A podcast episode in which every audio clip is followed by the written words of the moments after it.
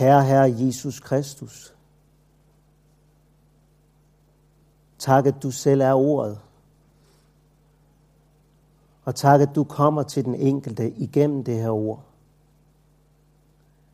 Jesus, nu beder jeg om, at du vil komme til mig, den enkelte, og åbne dit ord for os, så at vi må se, at du er værd at tro på. Særligt beder jeg for den, som måske har svært ved at tro. Jeg beder om, at du må møde vedkommende og åbne vores øjne, så vi må se, hvor rige vi er. Amen. I aften, eller eftermiddag, skal vi være sammen om et kapitel i Lukas evangeliet. Lukas evangeliet kapitel 1.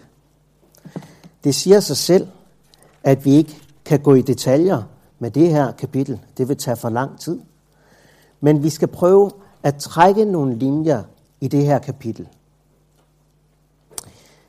I Lukas evangeliet kapitel 1, der læser vi, og vi begynder med at læse de første fire vers.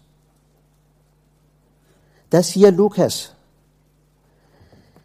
eftersom mange alt har taget sig for at sætte op en fortælling om de ting, som er blevet fuldført blandt os, slik de har overgivet det til os, de som fra begyndelsen var øjenvidner og ordets tjenere, så har også jeg nu gået nøje gennem alt sammen fra begyndelsen af, og besluttet mig for at skrive det ned i sammenhæng for dig, gæveste Teofilus, for at du skal lære at kende, hvor pålidelig de lærdomme er, som du er blevet undervist i.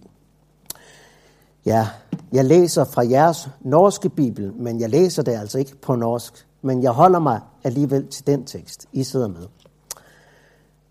Lukas ved godt, at der er andre, der har skrevet om de begivenheder. Om Jesu fødsel, hans undergærninger, hans død og opstandelse. Lukas siger, det er jeg klar over. Hvorfor så skrive det en gang til, Lukas? Man kunne fristes til at tænke, det er fordi Lukas er læge. Han er højt uddannet. Og han synes, at det, de andre har skrevet, er noget magtværk. Forstår I det? Magtværk, ja. Det er noget magtværk. Nu skal jeg lægen Lukas skrive. Men det forholder sig ikke sådan. De ord, han bruger til at beskrive det, de andre har skrevet, er med den største respekt. Hvorfor så skrive det en gang til? Jo, det bliver tydeligt fra vers, ud fra vers 4. Du skal lære at kende, hvor pålidelige de lærdomme er, som du er blevet undervist i. Lukas skriver til Teofilus. Og Teofilus, han har hørt nogle ting. Men han har ikke set, hvor pålideligt det er. Det er Lukas ønske. Og jeg synes, det er så stærkt at minde sig selv om, at vi har et helt evangelium i den hellige skrift, skrevet til Teofilus, Thomas, Tina, eller hvad vi nu hedder, til os, eller dem af os, der kan have det så svært med at tro. Måske sidder du her, og du har siddet her en kort tid. Du er måske ikke født og opvokset i et kristen hjem, slik jeg er, og sikkert også nogen af jer. Du har siddet her, du har hørt nogle prædikner, du hører de andre tale om, hvor godt det er, men du kan ikke se det. Du skal vide, Lukas, han har skrevet et evangelium til dig. Eller du, som måske sidder her og har gjort det i mange år, og du fornemmer, at de andre, de har en glæde ved det at høre Jesus til, som du ikke ejer. Når I sidder og samtaler i ungdomsgruppe, bibelstudiegruppe, så fornemmer du, at de andre har en gejst, en glæde, begejstring. Det har du ikke. Der er det tungt at komme her i de helliges forsamling. Det kan det være. Der skal du vide, Lukas, han skriver hele sit evangelium, for at du, Theophilus, Tina, Thomas, skal vide, hvor pålideligt det er. Det her vers 4, det er som en slags GPS. Du ved, en GPS. I dag har vi dem også på telefonen. Du skriver en adresse ind, og så trykker du på kør, og så er det det mål, vi kører efter. Det er der, vi skal hen. Du skal bruge vers 4 som en slags GPS ind i Lukas evangeliet. Når du sidder og læser i Lukas evangeliet, så husk, det er for, at vi, jeg skal vide, hvor pålideligt det her er. Okay? Det er, det er setup'et. Så begynder vi. Det, der så har undret mig, det er den måde, Lukas nu fortsætter. Det havde jo været oplagt, hvis Lukas var gået fra kapitel 1, vers 4, over til kapitel 2, vers 1, hvor vi hører om, at det skete i de dage, at der udgik et bud fra kejser Augustus, at alverden skulle indskrives i mandtal. Og så hører vi om Jesu fødsel. Nej, sådan fortsætter Lukas ikke. Han fortsætter med først at fortælle om Zakarias og så Maria. Zakarias, der får at vide, at han skal få en søn, Johannes, og Maria, der får at vide, at hun skal føde Jesus barnet. Men læg nu mærke til den beskrivelse, vi møder af Zakarias. Vi skal prøve at læse de vers fra vers 5. I de dage, da Herodes var konge i Jødeland, var der en præst, som hed Zakarias af Abias skift. Hans hustru var af Arons døtre, og hun hed Elisabeth. Begge var retfærdige for Gud, vandrede ulastligt efter alle herrens bud og forskrifter. De havde ikke børn, for Elisabeth var ufrugtbar, og begge var kommet langt op i årene.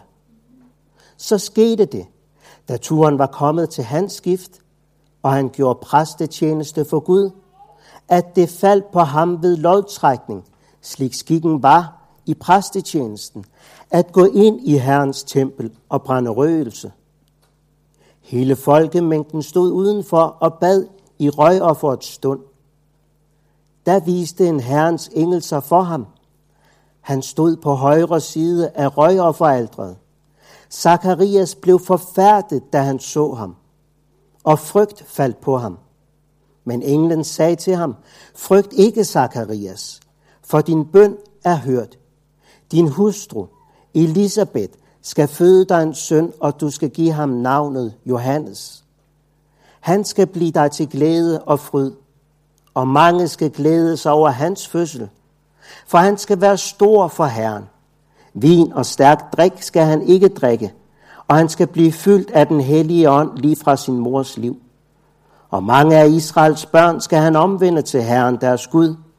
Han skal gå foran ham i Elias ånd og kraft, for at vende fædres hjerte til, til børn og ulydige til retfærdiges sindelag. Han skal forberede for Herren et velskikket folk. Zakarias sagde til englen, Hvordan skal jeg vide dette? Jeg er jo gammel, og min hustru er kommet langt op i årene. Englen svarede og sagde til ham, Jeg er Gabriel, som står for Guds åsyn. Jeg er sendt for at tale til dig og bringe dig dette glædesbud. Se, du skal blive stum og ikke kunne tale før den dag, dette sker, fordi du ikke troede mine ord, som skal blive opfyldt i sin tid. Og der stopper vi. Lukas, hvorfor begynder du med Zakarias? Lad du mærke til det? Zakarias, vers 18. Zakarias sagde til englen, hvordan skal jeg vide dette? På dansk står der, hvordan kan jeg vide, at det er sandt? Jeg tænker, Lukas, hvorfor begynder du sådan? Du scorer jo selvmål, mand. Han er ved at skrive et evangelium til Theophilus, for at han skal vide, hvor pålideligt dette er. Og så begynder han med sådan et selvmål. Jeg tænker, det er lige så ærgerligt, som hvis Norge spiller fodbold mod Sverige, landskamp, og ham her, Martin Ødegård, kommer på banen. Det norske folk er i forventning. Martin kommer på banen. Nu skal de svensker bare se løjer. Så begynder Martin med et selvmål. Det vil jo være katastrofalt. Jeg synes, Lukas begynder på samme vis med et selvmål. Zakarias. Et eksempel på en, der ikke kan tro. Hvorfor begynder Lukas sådan? Det har undret mig. Jeg tror, Lukas ved den hellige ånd vil sige til os, Teofilus, Thomas, Tina, hvad vi hedder. Du kan være en from mand. Ja, du kan være retfærdig. Det hører vi jo om. Zakarias, at han var retfærdig for Gud, vers 6. Begge var retfærdige for Gud. Og overalt i skriften er de retfærdige. Dem, der er retfærdiggjort af tro og han vandrede ulasteligt efter alle Herrens bud og forskrifter. Det gør Guds børn nemlig. Vandre efter alle Herrens bud og forskrifter. Betyder det, at han var syndfri? Nej. Men han havde en indstilling til Guds ord, at dette ord er Guds og han vandrede efter det. Så møder vi også, at de ikke kunne få børn. Han er en prøvet mand. Denne mand gør tjeneste i templet. Once in a lifetime får han lov til at gå ind og bringe røgelsesofferet. Det var ikke alle præster, der i deres levetid fik den opgave. Zakarias fik den. Han får det glædelige budskab forkyndt derinde. En sådan mand, helt i front blandt de religiøse, blandt de hellige. Han kommer til at stå som et advarende eksempel for os. Og jeg synes, Zacharias er blevet et stærkt advarende eksempel for mig. For da han hører dette glædelige budskab, så møder han det, vers 18. Hvordan kan jeg vide, at det er sandt? Her lærer vi noget om, at når Gud taler, så skal vi vide, at det er Gud, der taler. Og vantroen er kendetegnet ved dette. Hvordan kan jeg vide, at det er sandt? Men læg mærke til, at han gør det med henvisning til sig selv.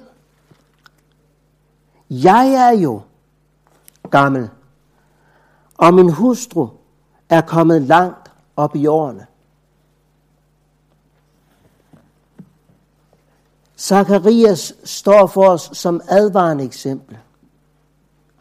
Når du sidder og lytter her til Guds ord, når evangeliet, det glædelige budskab om, at Herren har beredt en vej til frelse,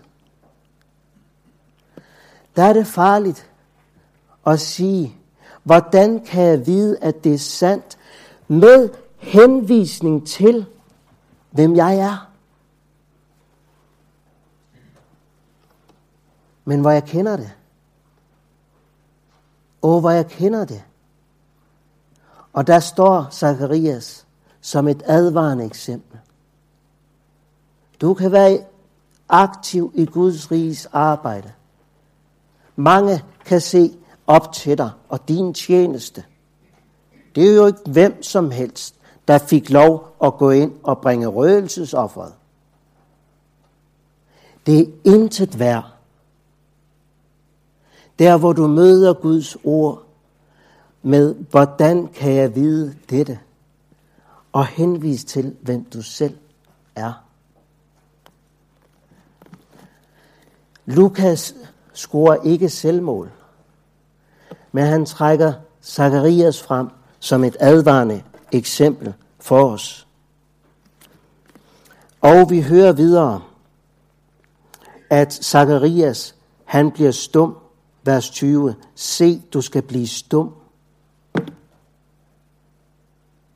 Det kendetegner de fortabte. I øh, beretningen om, de, om kongesøndens bryllup, møder vi en, der ikke har bryllupsklæder på og han bliver kastet ud udenfor. Men han bliver mødt med det spørgsmål, hvordan er du kommet ind her uden bryllupsklæder? Og så læser vi, men han tav. Det er de fortabtes situation. Det er Zacharias situation her inde under Guds dom. Han blev stum. Det her, det har Lukas skrevet til Teofilus, for at han skal vide, hvor pålideligt det er. Vi vender tilbage til Zakarias lige om lidt. For den beretning følger Lukas nemlig op på, men inden så kommer så beretningen om Maria, som jo også får et glædeligt budskab forkyndt. Vi skal ikke læse alle de vers. Jeg formoder, at det er kendte vers, ellers kan du jo læse dem for dig selv. Men om Maria, der hører vi, at englen Gabriel, vers øh, 26, 2-6 er det vel, I siger her, øh, I den 6. måned blev englen Gabriel sendt af Gud til en by i Galilea, som hedder Nazareth. Nu skal vi op i det nordlige Israel. Ikke i Jerusalem.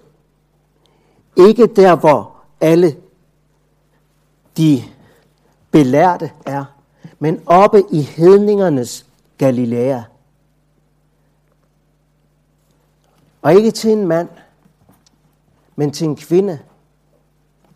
Kommer englen Gabriel til Maria og siger, vers 20 eller 28, englen kom til hende og sagde, vær hilset, du som har fået noget. Herren er med dig. Velsignet er du blandt kvinder. Men hun blev forfærdet over hans ord og grundede på, hvad slags hilsen dette kunne være. Og englen sagde til hende, frygt ikke, Maria, for du har fundet noget hos Gud. Se, du skal blive med barn og føde en søn, og du skal give ham navnet Jesus. Læg mærke til to gange noget. Du har fundet noget. Hvordan har hun det? Jo, så forkyndes budskabet om, at Jesus, verdens frelser, skal komme. Og hun skal føde ham. Læg mærke til Maria. Hun siger i vers 34, Hvordan skal det gå til, da jeg ikke ved af mand? Hun stiller ikke spørgsmål ved, om det er sandt. Hun undrer sig over, hvordan skal det gå til. Men læg mærke til vers 38. Der sagde Maria, se, jeg er Herrens tjenerinde. Det ske mig efter dit ord.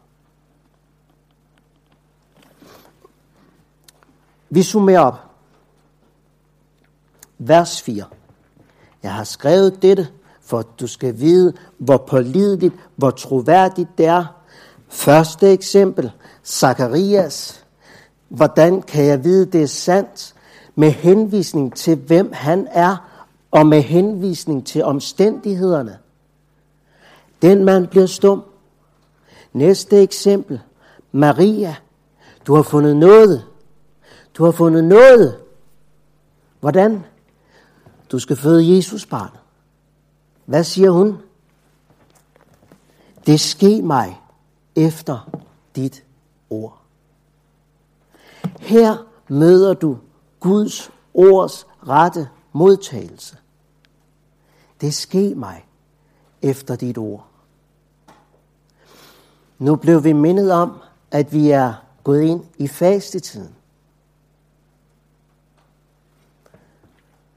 En sådan tid kan blive en velsignet tid, der hvor mænd og kvinder har denne Maria-indstilling. Det ske mig efter dit ord. Det er ikke et spørgsmål om noget, som skal ske med mig. Men det skal ske mig efter dit ord. Hun har en indstilling til ordet, hvor hun bliver bestemt af Guds ord. Det sker mig efter Guds ord. Og det kommer jo til udtryk, hvad der ligger i det, også i Marias lovsang. Vers 47. Min ånd fryder sig i Gud, min frelser, for han har set til sin tjener, tjener ringhed. For se, fra nu af skal alle slægter prise mig salig, fordi han har gjort store ting mod mig. Han, den mægtige, og hellig er hans navn. Min ånd fryder sig over Gud, min frelser. Hun er blevet et med det budskab, der er forkyndt hende. Ved at hun siger, det sker mig efter dit ord. Jeg forstår godt nok ikke det hele. Hvordan det skal gå til. Men hun har en indstilling. Teofilus, læg mærke til Maria. Og det samme gælder også i dag. Læg mærke til Maria. Det sker mig efter dit ord. Ordet om noget.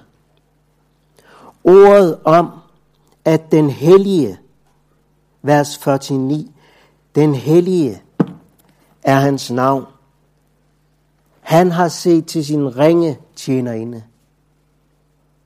Hvilken nåde, at den hellige vil bo hos sin ringe tjenerinde som mig, der ikke kan skrive teolog eller præst i templet op i Jerusalem på CV'et. Det kan hun ikke. Men hun hører Guds ord, og hun siger, det sker mig efter Guds ord. Teofilus, her møder du den rette indstilling til Guds ord.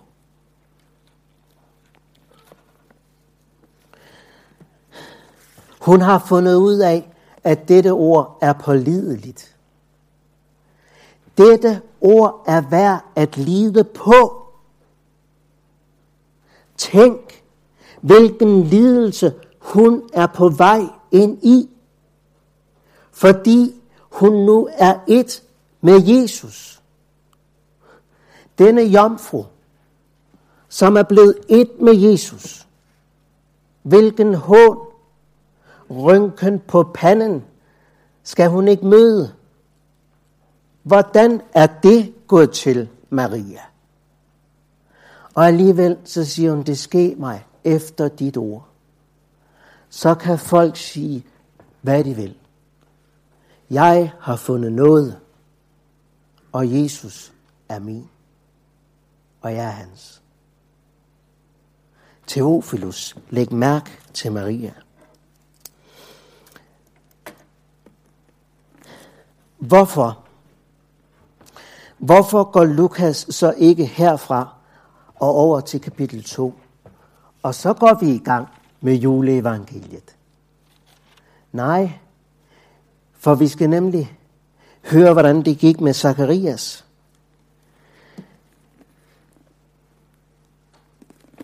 Og det læser vi om fra vers 59. Nej, 57. Tiden var nu kommet, da Elisabeth skulle føde, og hun fødte en søn. Og da hendes naboer og slægtninge fik høre, at Herren havde vist sin store miskundhed mod hende, glædede de sig sammen med hende. På den 8. dag skete det så, at de kom for at omskære barnet, og de ville kalde ham Zakarias efter faderen. Men der tog hans mor til ord og sagde, nej, han skal hedde Johannes. De sagde til hende, der er der ingen i din slægt, som har det navn. De gjorde så tegn til hans far for at få at vide, hvad han ville have, at barnet skulle hedde. Han bad om en tavle og skrev disse ord. Johannes er hans navn, og de undrede sig alle. For det her, det gør man bare ikke. Han skal opkaldes efter slægtens navn. Nej, siger Johannes. Johannes er hans navn. Og i det samme blev hans mund åbnet, og hans tunge løst, og han talte og lovede Gud. Det her, det er så stærkt. Når du tænker på, at Johannes betyder, Gud har handlet nådigt. Her møder du en mand, der er blevet prøvet i ni måneder. For nogen vil ni måneders tavshed jo være en større udfordring end andre. Men Johannes, han har været tavs i ni måneder. Han, som skulle gå ud og sende folket afsted med Herrens velsignelse. Han er tavs. Men efter de ni måneder i tavshed med Herren, hvad siger han nu? Ikke mig, ikke mit, Ikke min slægt. Gud har handlet noget. Ni måneder tidligere, der mødte vi en Zakarias, der stod og sagde, hvordan kan jeg vide, at det glædelige budskab om Herrens frelse er sandt? Og Herren må sende ham ud i ni måneders ørkenvandring, kan du sige. Ni måneder med den dom. Jeg troede ikke Guds ord. Men så møder vi ham ni måneder senere. Herren har handlet noget i. Teofilus, Tina, Thomas, vi tager ikke det her af os selv, men Gud kan åbenbare det for dig. Og særligt kan han åbenbare nådens virkelighed, sådan som vi møder det hos Zakarias, men jo også Maria. Og nu er det en helt anden Zakarias, du møder, og også hans lovsang skal vi have et enkelt træk frem fra, nemlig i 7-6. Og du, barn, skal kaldes den højestes profet, for du skal gå frem foran Herren for at rydde hans veje. Og læg nu mærke til, hvad er Herrens veje? Hvordan rydder man vej for Herren? Jo, for at lære hans folk frelse at kende, ved at deres sønder bliver forladt. Måske du har det som Zacharias, svært ved at tro Guds evangelium, fordi jeg er, som jeg er. Og jeg har vandret med Herren i så og så mange år. Hvordan kan jeg vide, at det er sandt, når jeg er, som jeg er? Der er jeg så glad for et citat af Øjvind Andersen, der siger sådan i bogen Livets brød. Fordi du er, som du er, passer du så godt sammen med Jesus. Ja. Det er det, Zacharias har set. Fordi jeg er, som jeg er. Passer jeg så godt sammen med Jesus? Passer jeg så godt sammen med Herrens frelse? Passer jeg så godt sammen med søndernes forladelse i hans navn? Og nu vil jeg slutte med at spørge. Du som sidder her. Du som kalder dig Guds barn. Du som ønsker at vandre Herrens veje. Du som beder Herre, led mig af dine veje. Jeg vil spørge dig, hvornår har du sidst pris dig salig som Maria over Herrens nåde? Hvornår har du sidst prist dig salig som Zakarias over Herren har handlet noget? Ja, endnu mere præcist. Hvornår har du sidst prist dig salig ved søndernes forladelse i Jesu navn? Det er jo Herrens vej. Der går du på Herrens vej. Og der er du et vidne for andre om Herrens vej. Teofilus. Det ord, det er troværdigt. Det ord, det er pålideligt. Og så kan du ellers læse videre i Lukas evangeliet. Og husk på vers 4. Han har skrevet det til dig, for at du skal vide, hvor pålideligt det her det er. Lad os bede. Herre Jesus Kristus, tak at du er kommet til verden for at frelse syndere. Tak at du er kommet for at række os noget over noget. Søndernes forladelse ved vor Herre Jesus Kristus. Der beder vi også om, at du, Gud Helligånd, må åbenbare det ord for os. Vi beder om, at du også må velsigne fastetiden for os. At det må blive en tid sammen med dig, hvor vi siger, det ske mig efter dit ord. Herre, Tal, din tjener hører. Tal til mit hjerte om dig selv til tro. Amen.